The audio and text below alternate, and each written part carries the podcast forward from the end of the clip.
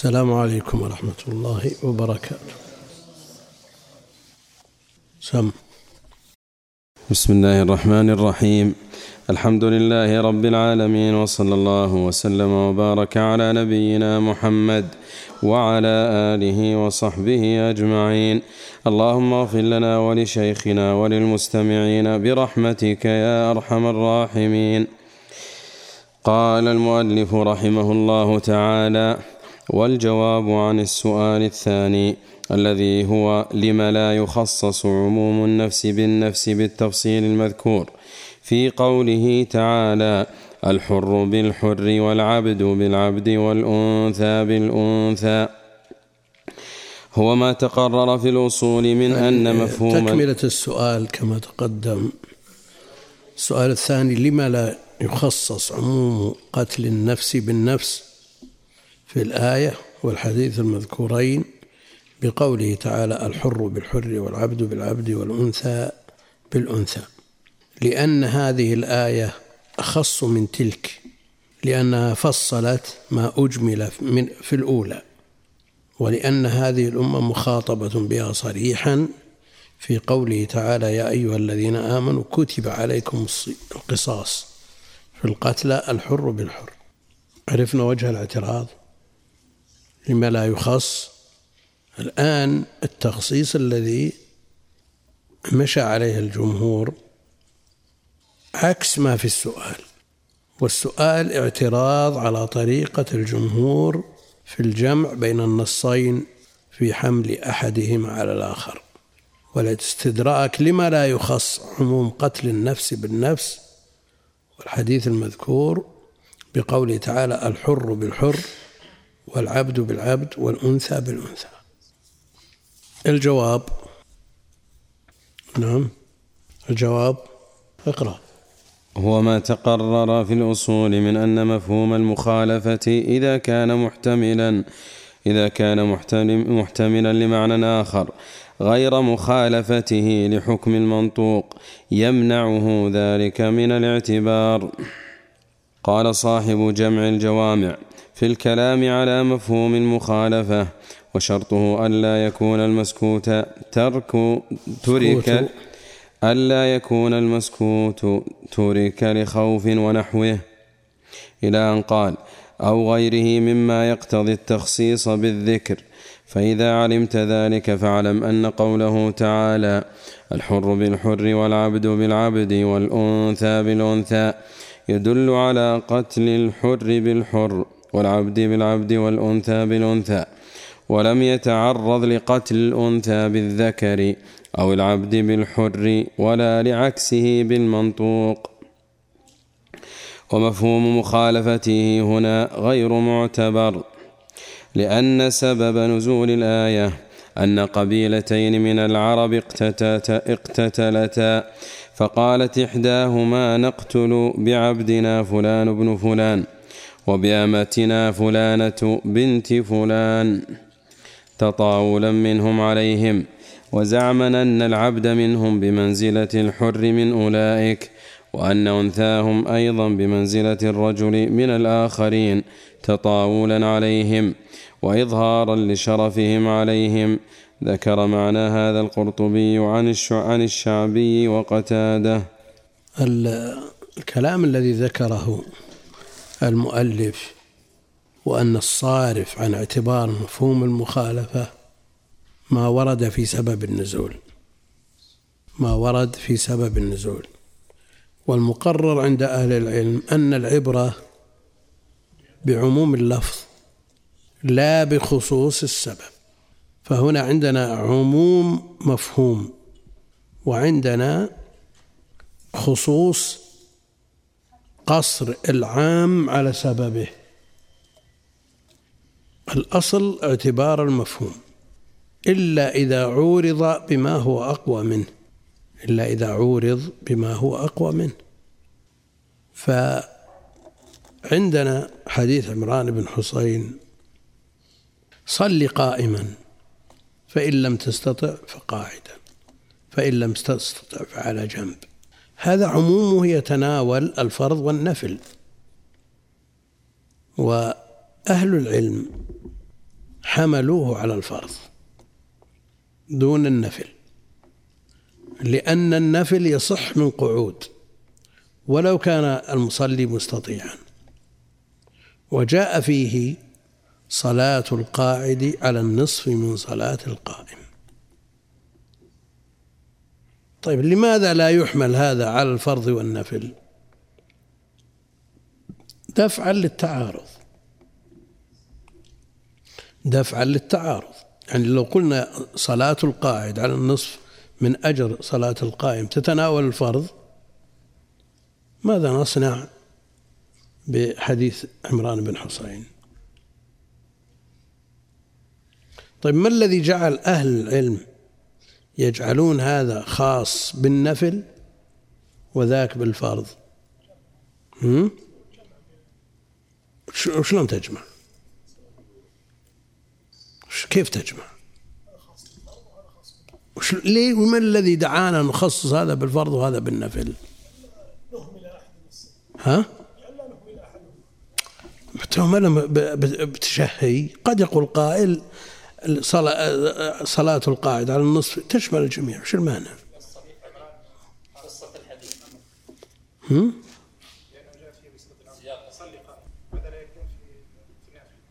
وراه وراه ما يصلي يؤمر المصلي يصلي قائما في في النفل أيضا لأن عمران بن حسين عنده داء البواسير ويصعب عليه القيام فقيل له صلي قائما لم تستطع قائدا فإن لم تستطع فعلى جنب.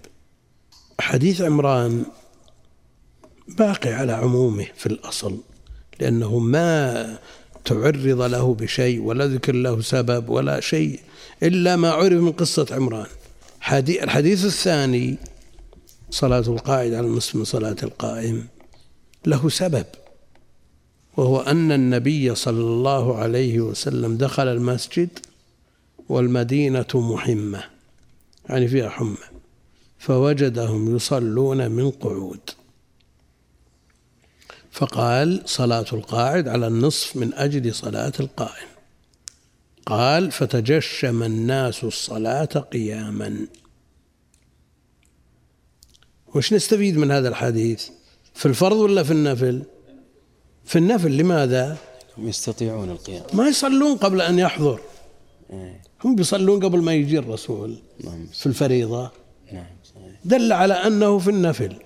الأمر الثاني أنه في المستطيع للقيام. ما هو بالعاجز؟ لأن العاجز أجره كامل سواء كان في الفريضة أو في النفل. لكن المستطيع للقيام في النفل إذا صلى قاعد له نصف الأجر بدليل أنهم تجشموا الصلاة قياما وقاموا. دل على أنهم يستطيعون. فلو كانوا لا يستطيعون أجرهم كامل. ولو كانت فريضة ما صلوها قبل حضور عليه الصلاة والسلام. يرد السؤال الذي أوردناه على هذا أن العبرة بعموم اللفظ لا بخصوص السبب. إذا قلنا إذا كان المفهوم معارضا بمنطوق إذا عورض المفهوم بما هو أقوى منه كالمنطوق ألغي اعتباره. مثل استغفر لهم أو لا تستغفر لهم. إن تستغفر لهم سبعين مرة فلن يغفر الله لهم. مفهوم لو استغفر واحد وسبعين أو خمس وسبعين أو ثمانين أنه يغفر لهم. لكن هذا المفهوم معارض بقوله جل وعلا إن الله لا يغفر أن يشرك به. فألغي المفهوم. لو استغفر ألف مرة ما غفر له. وهنا ألغي هذا المفهوم لأن سبب النزول دلالته ظاهرة فيما عدل إليه عن المفهوم. نعم.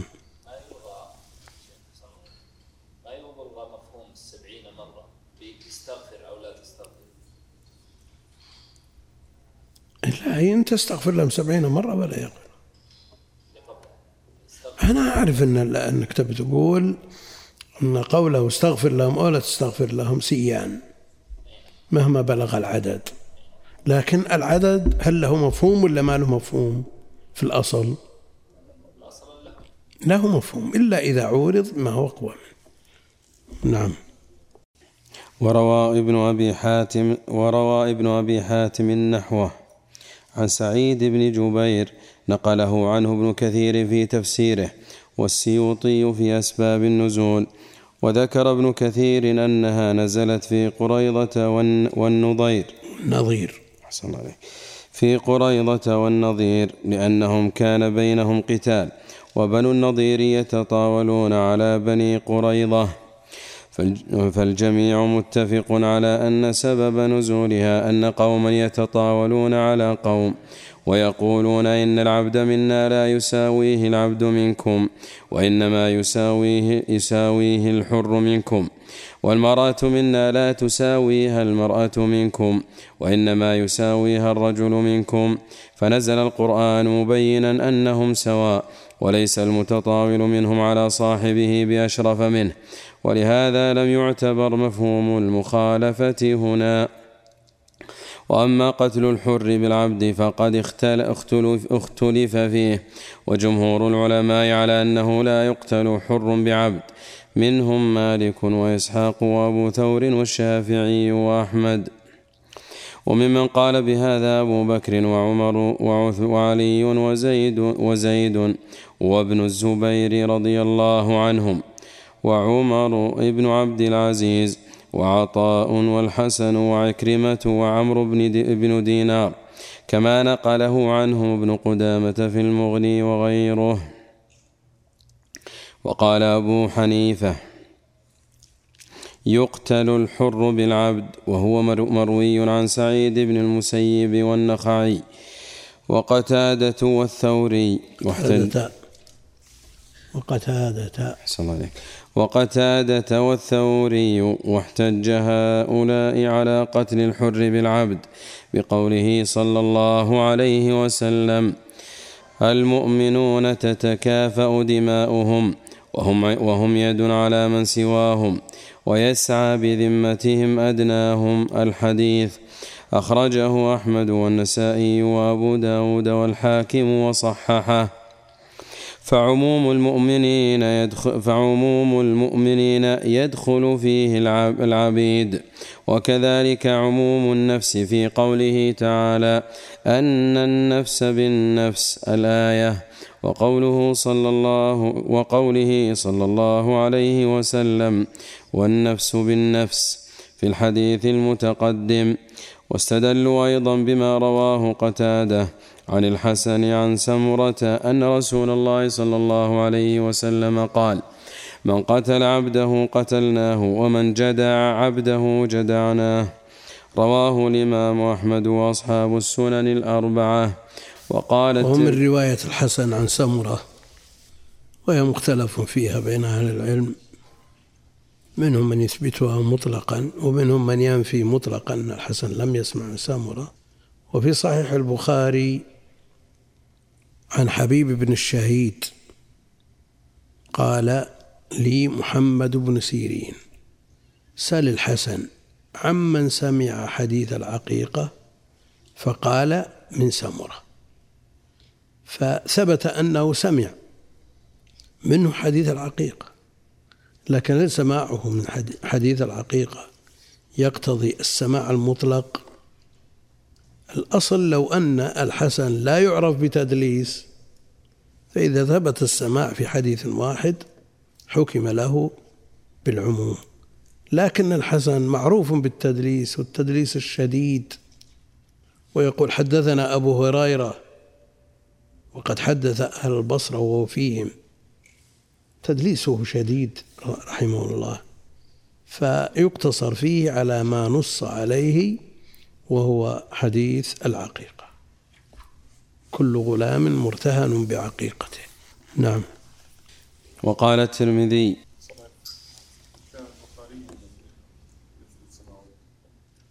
نعم.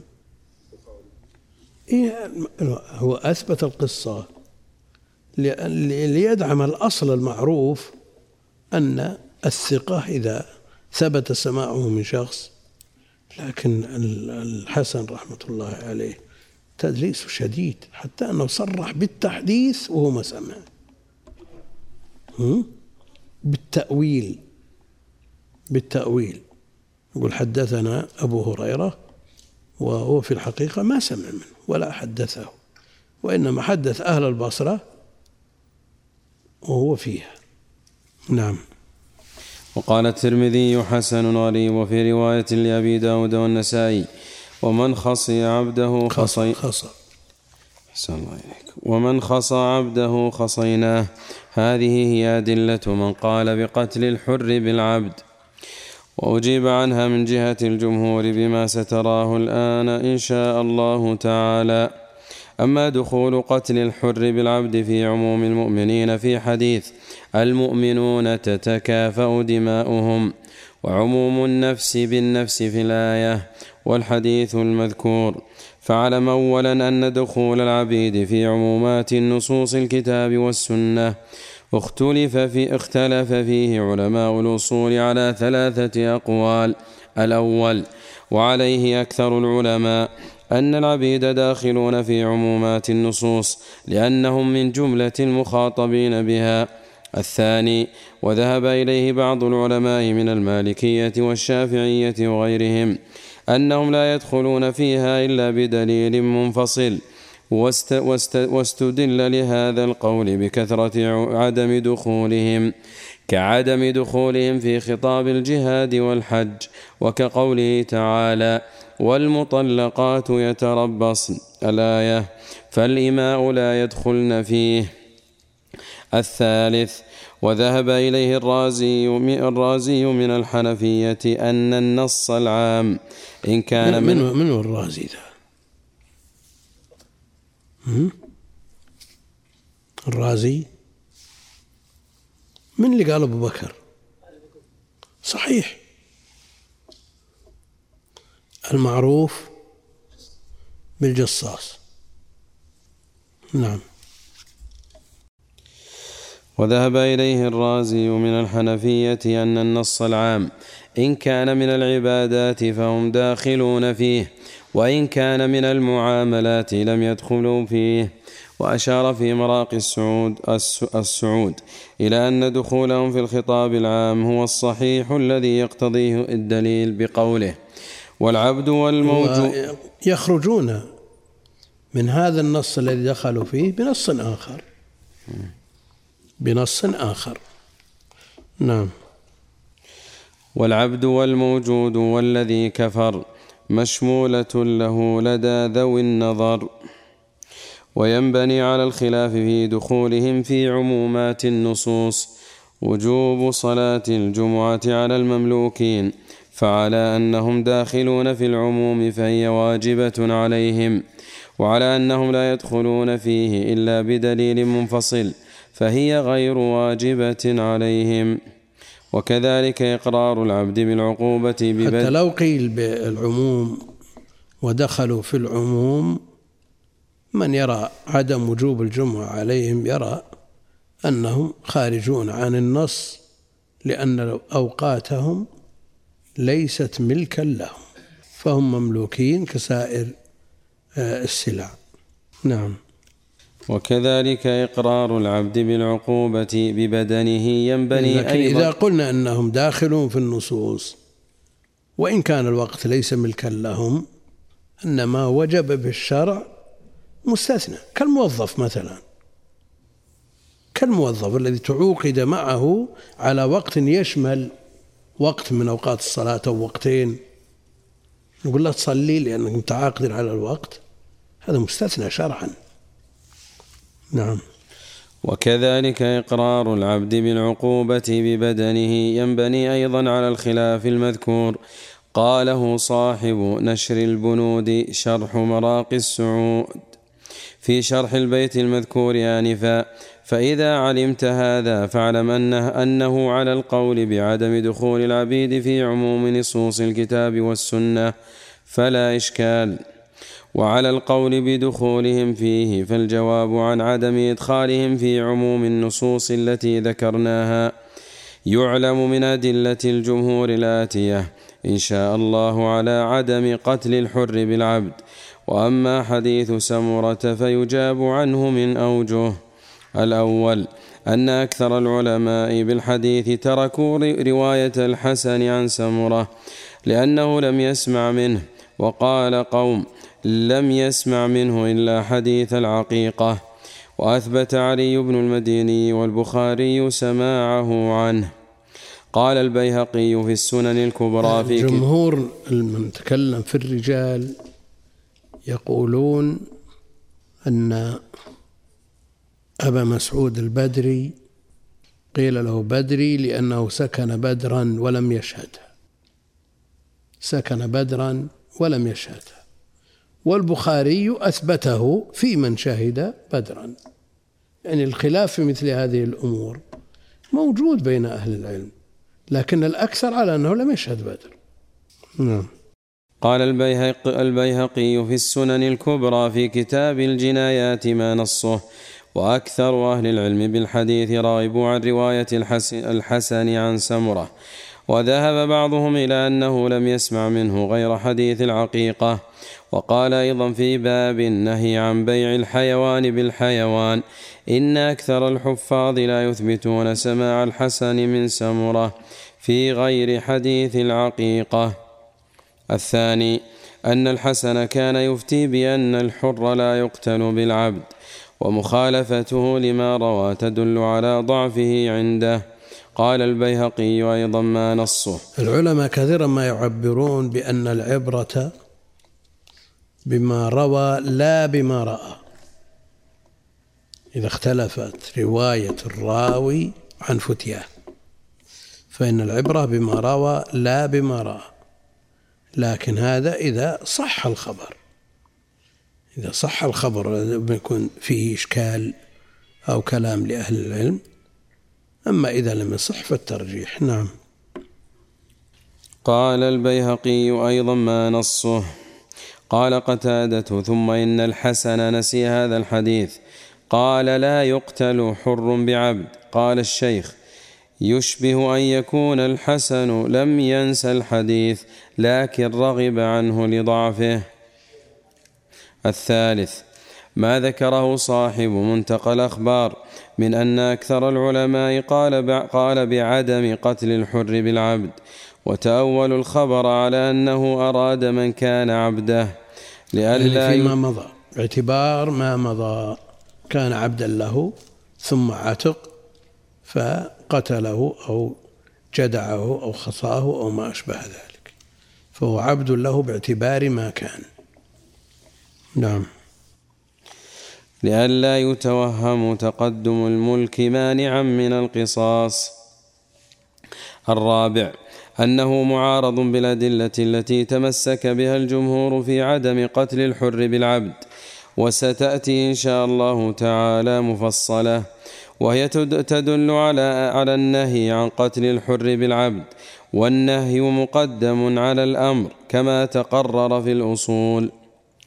الخامس كما يقررون الحظر مقدم على الإباحة. إذا ورد حديث يدل على منع وحديث يدل على الإباحة أو حتى على الأمر فالحظر عندهم أقوى من الأمر فضلا عن الإباحة. وما يمثل له بحديث إذا دخل أحدكم المسجد فلا يجلس حتى يصلي ركعتين. في الحديث الآخر نهانا رسول الله صلى الله عليه وسلم أن نصلي وجاء النهي عن الصلاة في الأوقات المعروفة. وهذا له عموم هذا له مخصصات وعموم ذاك له مخصصات ومما يرجح به النهي هذه القاعدة. قاعدة الحظر مقدم على الأمر. نعم.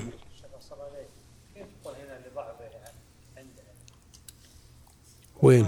مخالفة روى تدل على ضعفه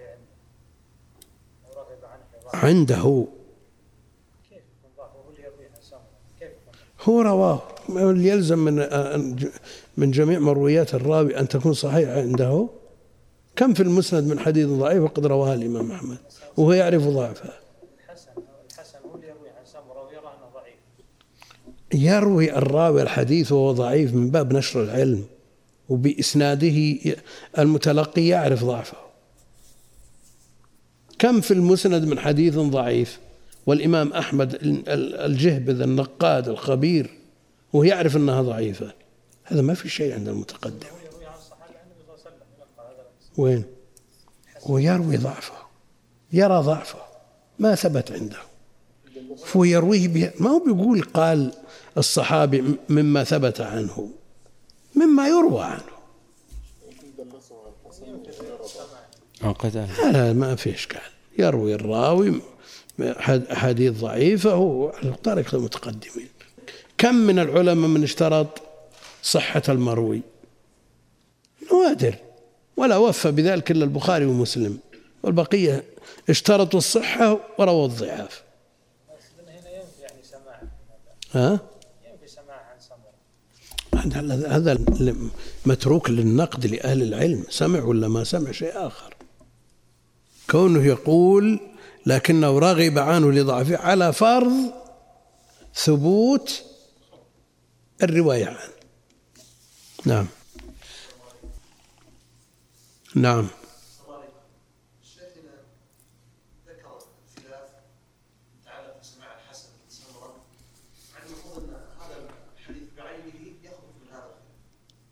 مراه. لأن الإمام أحمد يقول حدثنا أبو النضر عن قتادة عن الحسن عن سمرة ولم يسمعه من سمرة أن النبي هذا رأيه هذا رأي الإمام أحمد أنه لم يسمعه.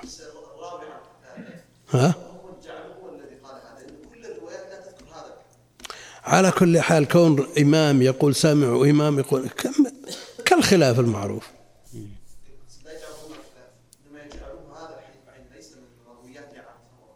كلهم قالوا كذا. لا يذكرون شيء خلاص.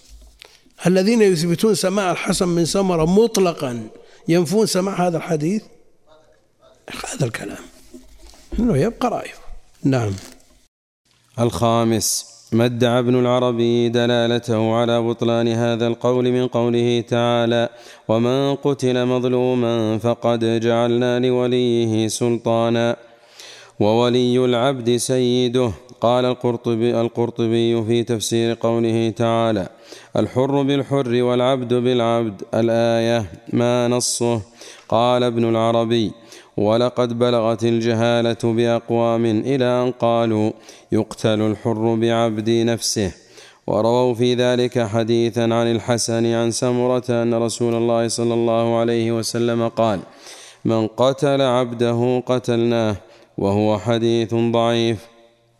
ودليلنا قوله تعالى ومن قتل مظلوما فقد جعلنا لوليه سلطانا فلا يسرف في القتل. والولي هنا ها هنا السيد فكيف يجعل له يجعل له سلطانا على نفسه.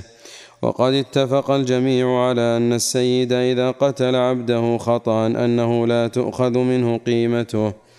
أنه لا تؤخذ منه قيمته لبيت المال.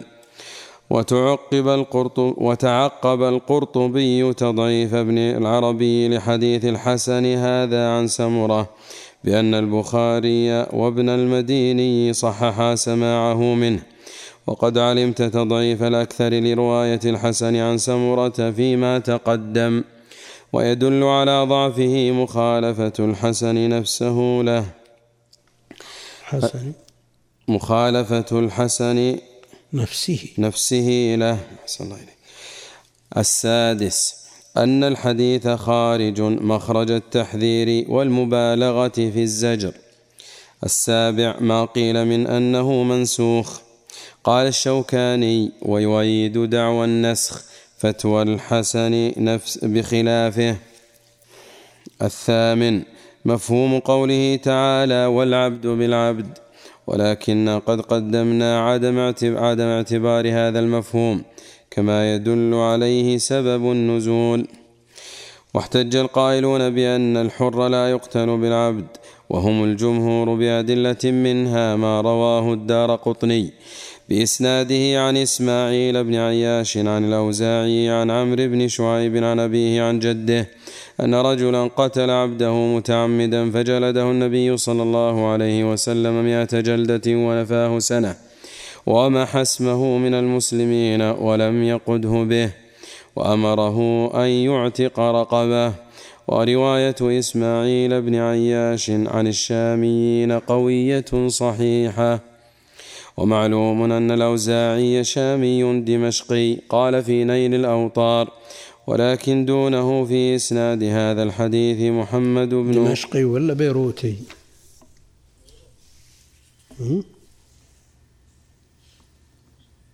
عندنا مكتوب. شو؟ دمشقي مكتوب. اي مكتوب دمشقي أقرأ. قد يكون الراوي له أكثر من بلد يسكن هنا ويسكن هنا نعم. يسكن في أول أمره في بلد كذا وينتقل إلى بلد كذا وبإمكان أن ينسب إلى البلدين باعتبار أنه عاش هنا وعاش هناك. نعم. قال في نيل الأوطار ولكن دونه في إسناد هذا الحديث محمد بن عبد العزيز الشامي.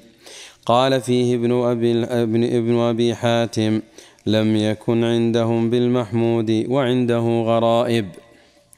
وأسند البيهقي هذا الحديث فقال أخبرنا أبو بكر صلى الله عليه وأسند, وأسند البيهقي هذا الحديث فقال أخبرنا أبو بكر ابن, ابن الحارث الفقيه. قال أنبأنا علي بن عمر الحافظ. قال حدثنا الحسين بن. ابن, ابن الحسين الصابوني الأنطاكي. قال قاضي الثغور.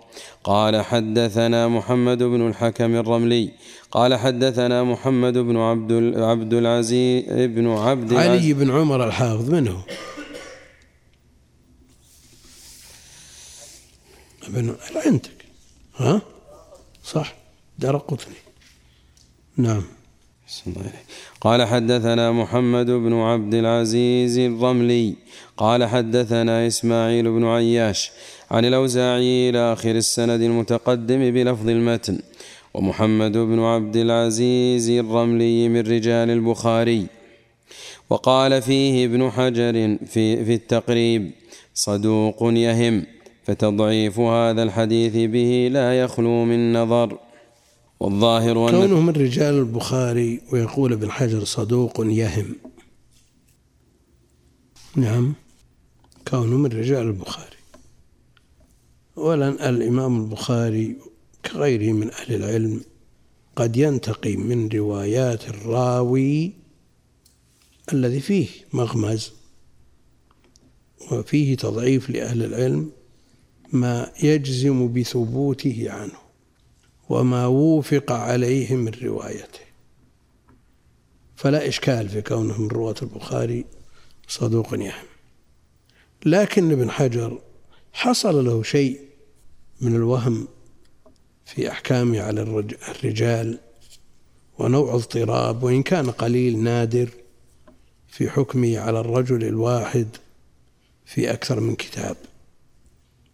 فقال في عبيد الله بن الأخنس صدوق قال ابن حبان يخطئ كثيرا. الرجل من رواة البخاري. الرجل من رواة البخاري. وقال في فتح الباري ثقة وشذ ابن حبان. فقال يهم كثيرا. في فرق بين الحكمين؟ ها؟ شو؟ تناقض. فرق كبير. لكن إذا أردنا أن نعتذر لابن حجر قلنا إن حكمه في التقريب بالنظر لعامة ما روى وحكمه في البخاري بخصوص ما رواه في الصحيح. نعم. حسن الله عليك فالأوزاعي يقول هنا كان يسكن بمحلة الأوزاع وهي العقيبة الصغيرة ظاهر باب الفراديس بدمشق. أيه. ثم تحول إلى بيروت مرابطا بها إلى أن مات هذا الكلام. أنه يسكن هنا وهناك جزاك الله نعم. والظاهر ولو أن قال شامي وسكت فالشام يشمل بيروت يشمل دمشق ويشمل نعم. بقية الأقاليم المشمولة بهذا الاسم. نعم. والظاهر أن تضعيف البيهقي له من جهة إسماعيل بن عياش وقد عرفت أن الحق كونه قويا في الشاميين. دون الحجازيين كما صرح به أئمة الحديث كالإمام أحمد والبخاري. ولحديث عمرو بن شعيب هذا شاهد من حديث علي عند البيهقي وغيره من طريق إسماعيل بن عياش عن إسحاق عن إسحاق ابن عبد الله ابن أبي فروة عن إبراهيم ابن عبد الله ابن ابن حنين عن أبيه عن علي حنين. حنين كذا؟ أو حنين. جاد حنين ما عم من حنين إنسان عندك شيء عطلي لا ما عندي شيء. نعم. عن إبراهيم بن عبد الله بن حنين عن أبيه عن علي بن أبي طالب رضي الله عنه قال أتي رسول الله صلى الله عليه وسلم برجل قتل عبده متعمدا فجلده رسول الله صلى الله عليه وسلم مئة ونفاه سنة ومحى اسمه من المسلمين ولم يقده به. ولكن ولكن ولكن ولكن إسحاق بن عبد الله بن أبي فروة متروك. ومن أدلتهم على أن الحر لا يقتل بعبد ما رواه جلده مئة ونفأه سنة. هذا حد الزاني البكر كما هو معروف. فاللفظ لا يسلم من نكارة مع ضعف راويه. نعم.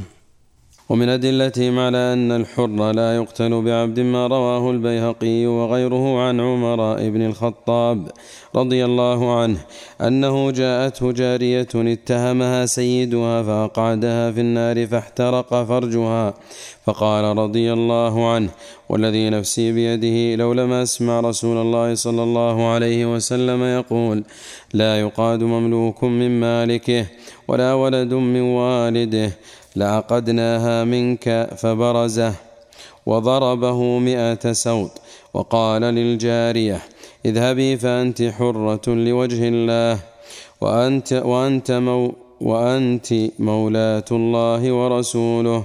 يعني ليس له ولاء. نعم. قال أبو صالح وقال الليث وهذا القول معمول به. وفي إسناد هذا الحديث عمر ابن عيسى. عمر. صلى الله عليك. وفي إسناد هذا الحديث عمر بن عيسى القرشي القرشي الأسدي. ذكر البيهقي عن أبي أحمد أنه سمع ابن حماد يذكر عن البخاري. من أبو أحمد؟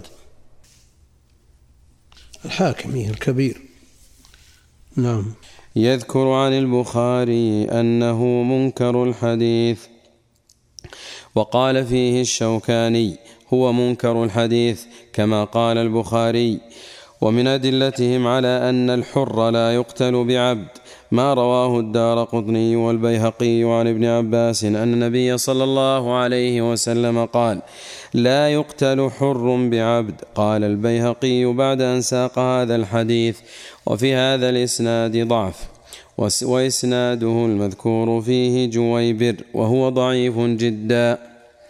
وقال الشوكاني في إسناد هذا الحديث فيه جويبر وغيره من المتروكين. ومن أدلتهم على أن الحر لا يقتل بعبد ما رواه البيهقي وغيره من طريق جابر بن زيد الجعفي. جعفي. أحسن الله إليك.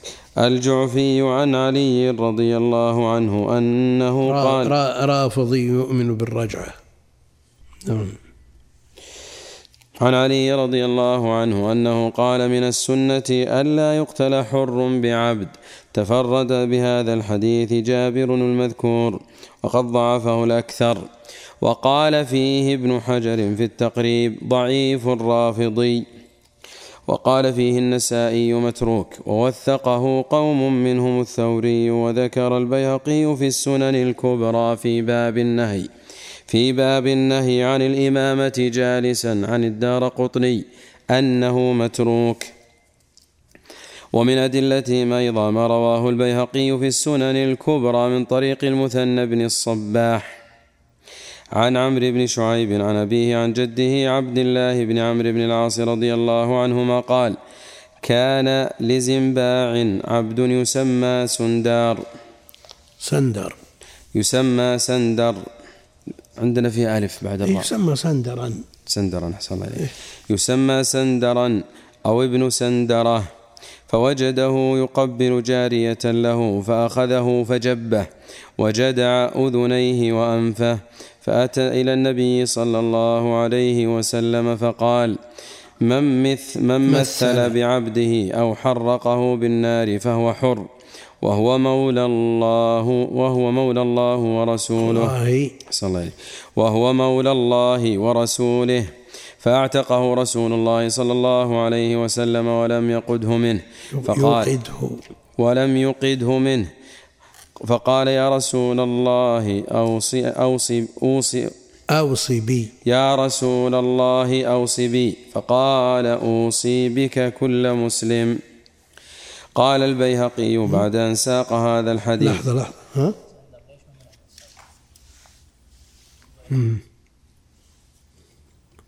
أعجمي. وهل استعماله في العربية علم ولا وصف؟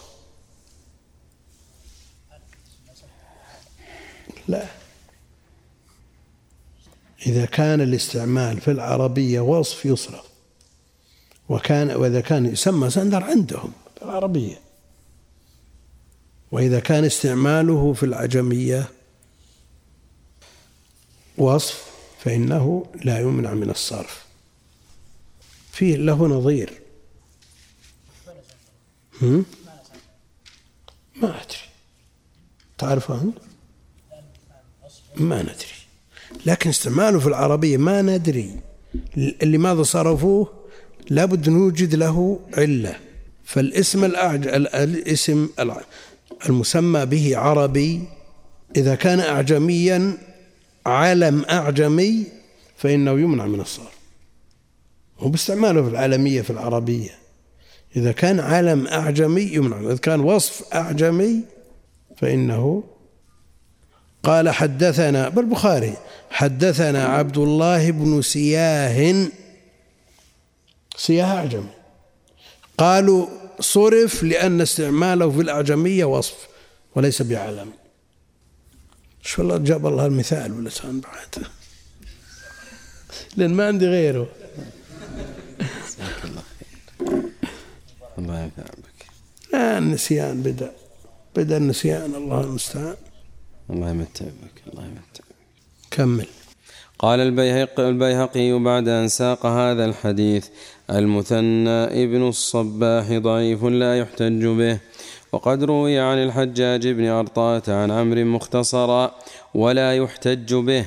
وقد قدمنا في آية التيمم تضعيف حجاج بن أرطاة. ذكروا في ترجمته سبب تضعيفه وأنه عنده شيء من الكبر ورؤية النفس وأنه لا يصلي في المسجد ويقول أصلي بين زبال وحمال. لا نصح الخبر عنه وإلا فالرجل ضعيف معروف. نعم. وقد قدمنا في آية التيمم تضعيف حجاج بن أرطاه وروي عن سوار بن أبي حمزة وليس بالقوي والله أعلم. هكذا قال البيهقي قال مقيده عفى الله عنه سوار بن ابن أبي سوار سوار. صلى الله عليه سوار بن ابن أبي حمزة من رجال مسلم. وقال فيه ابن حجر في التقريب صدوق له أوهام. ومن أدلتهم أيضا ما أخرجه أبو داود من حديث عمرو بن شعيب عن أبيه عن جده قال جاء رجل مستصرخ إلى النبي صلى الله عليه وسلم فقال حادثة لي يا رسول الله. فقال ويحك ما لك. فقال شر أبصر لسيده جارية فغار, فغار فجب مذاكيره. فقال رسول الله صلى الله عليه وسلم علي بالرجل فطلب فلم يقدر عليه فقال رسول الله صلى الله عليه وسلم اذهب فأنت حر. فقال يا رسول الله على من نصرت على من نصرتي؟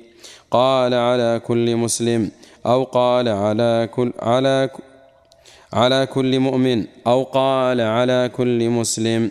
ومن أدلتهم ما أخرجه البيهقي في السنن الكبرى عن أبي جعفر عن بكير أنه قال مضت السنة بأن لا يقتل الحر المسلم بالعبد وإن قتله عمدا وعليه العقل.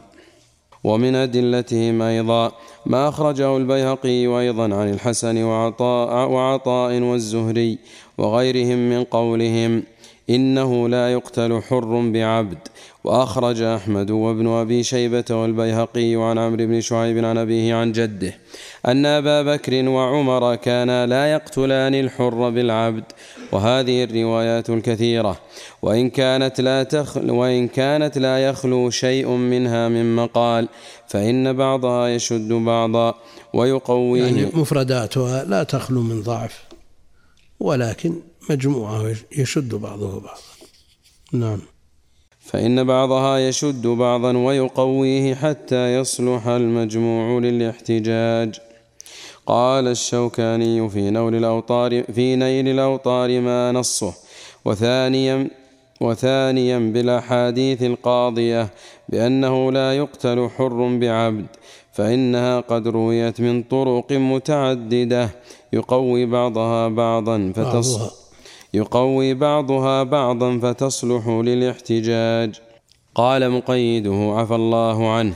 وتعتضد هذه الأدلة على أن لا يقتل حر بعبد بإطباقهم على عدم القصاص للعبد من الحر فيما دون النفس. فإذا لم يقتص له منه في الأطراف فعدم القصاص في النفس من باب أولى. ولم يخالف في أنه لا قصاص للعبد من الحر فيما دون النفس إلا داود وابن أبي ليلى. وتعتضد أيضا بإطباق الحجة من العلماء أبي ليلى شو اسمه؟ ابن أبي ليلى. محمد بن عبد الرحمن. الفقيه محمد. أبوها المحدث الثقة عبد الرحمن. والفقيه سيء الحفظ. لأنه يدور اسمه كثيرا في كتب الفقه. إذا راجع طالب العلم الترجمة وجده سيء الحفظ أبوه ثقة قد يرى أن هل هل الذي يذكره العلماء ويتداولون اسمه اللائق به الثقة والأمر ليس كذلك. وفيه رسالة في فقه ابن أبي ليلى. وحار الباحث طويلا في البحث عن اسمه. وسأل من العلماء والمشرفين والحل في كلمة واحدة للنووي في شرح مسلم وفي شرح المهذب وذكرها أيضا في تهذيب الأسماء واللغات. قال لما ترجم ابن محمد بن عبد الرحمن بن ليلى وهذا الأب وأما الفقيه الذي يدور اسمه كثيرا في كتب الفقه فهو محمد بن عبد الرحمن بن أبي ليلى. قد يقول قائل سيء حفظه شو يصير فقيه؟ صار. أبو حنيفة مرمي بسوء الحفظ. نعم. وكل من اعتنى بشيء لا يلزم أن يبرز في جميع الأشياء. عاصم بن أبي النجود على ضبطه وإتقانه وقراءته متواترة. قيل فيه مثل ذلك. وإمام أهل المغازي بن إسحاق قيل فيها أشد من ذلك. نعم. وتعتضد أيضا بإطباق الحجة من العلماء على أنه إن قتل إن قتل خطأ. ففيه القيمة. قتل نعم. نعم. أحسن الله إليك. إن قتل خطأ ففيه القيمة للدية. وقيده جماعة بما إذا لم تزد قيمته عن دية الحر. وتعتضد أيضا بأن شبه العبد يعني أدركنا العبيد قبل خمسين سنة والقيمة أضعاف الدية. قيمة العبد وصلت إلى الخمسين والأربعين والدية في ذلك الوقت ستة عشر ألف دية الحر. فالقيد الذي ذكروه بما إذا لم تزد قيمته عن دية الحر قيمته عن دية الحر يعني أحيانا تكون أقل. ها؟ تكون أقل أحيانا. الأصل أن قيمته أقل من دية الحر هذا الأصل. لكن قد تزيد. يحتاج الناس إلى إلى العبيد. والحر أشك والله قتل وراح. ما في إلا ما حدد شرعا. لكن هذا العبد الذي تزيد قيمته أحيانا أضعاف وقد تنزل إلى أقل ما يسمى يسوى يسمى نعم. وتعتضد أيضا بأن, بأن شبه العبد بالمال أقوى من شبهه بالحر.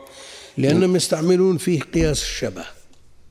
نعم. قياس الشبه وهو تردد الفرع بين أصلين. فيلحق بأقواهما شبها. فهل شبه شبه بالسلع أقوى أو شبهه بالآدمي الحر أقوى؟ هم قالوا شبه بالسلع لأنه باع ويشرى وش في شيء؟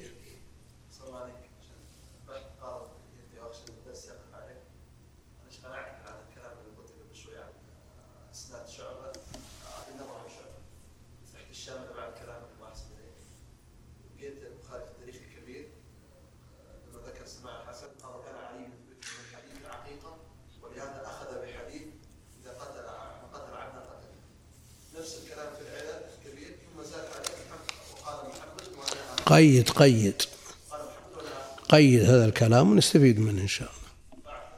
لأن آه ما تبعيد تبعد واحد. تعرف تبي تفيد وتست...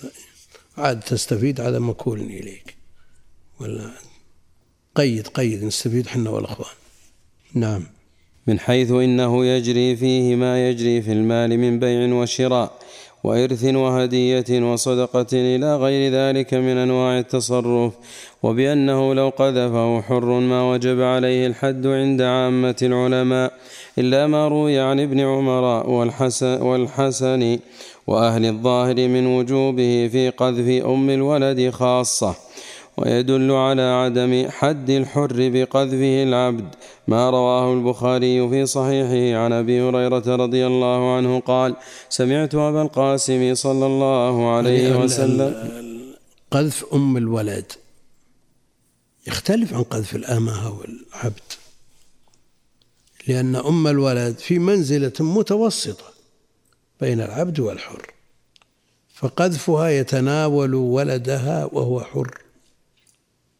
تناول ولده وهو حر ويتناول السيد الذي ثبتت كون أم ولد له ويلحقه من العار بقدر نسبة هذا الولد إليه. فكونهم يستثنون أم الولد وأيضا أم الولد مسألة بيعها وعدمه مسألة خلافية بين أهل العلم فهي في منزلة متوسطة بين الحر والعبد. نعم. عن أبي هريرة رضي الله عنه قال سمعت أبا القاسم صلى الله عليه وسلم يقول من قذف مملوكه وهو بريء مما يقول جلد يوم القيامة إلا أن يكون كما قال وهو يدل على عدم جلده في الدنيا كما هو ظاهر. هذا ملخص كلام العلماء في حكم قتل الحر بالعبد. يكفي يكفي. صلى الله إليك إنه ما يقتل. إيه هذا كلام الجمهور. شو يقول؟ رجح طبعا ما رجح الشيخ قال وفي وفي العقوبه أو في الاثم لا يختلف قتل العبد قتل العبد والحر لأنه نفس. لأنه نفس ومؤمن صلي على محمد.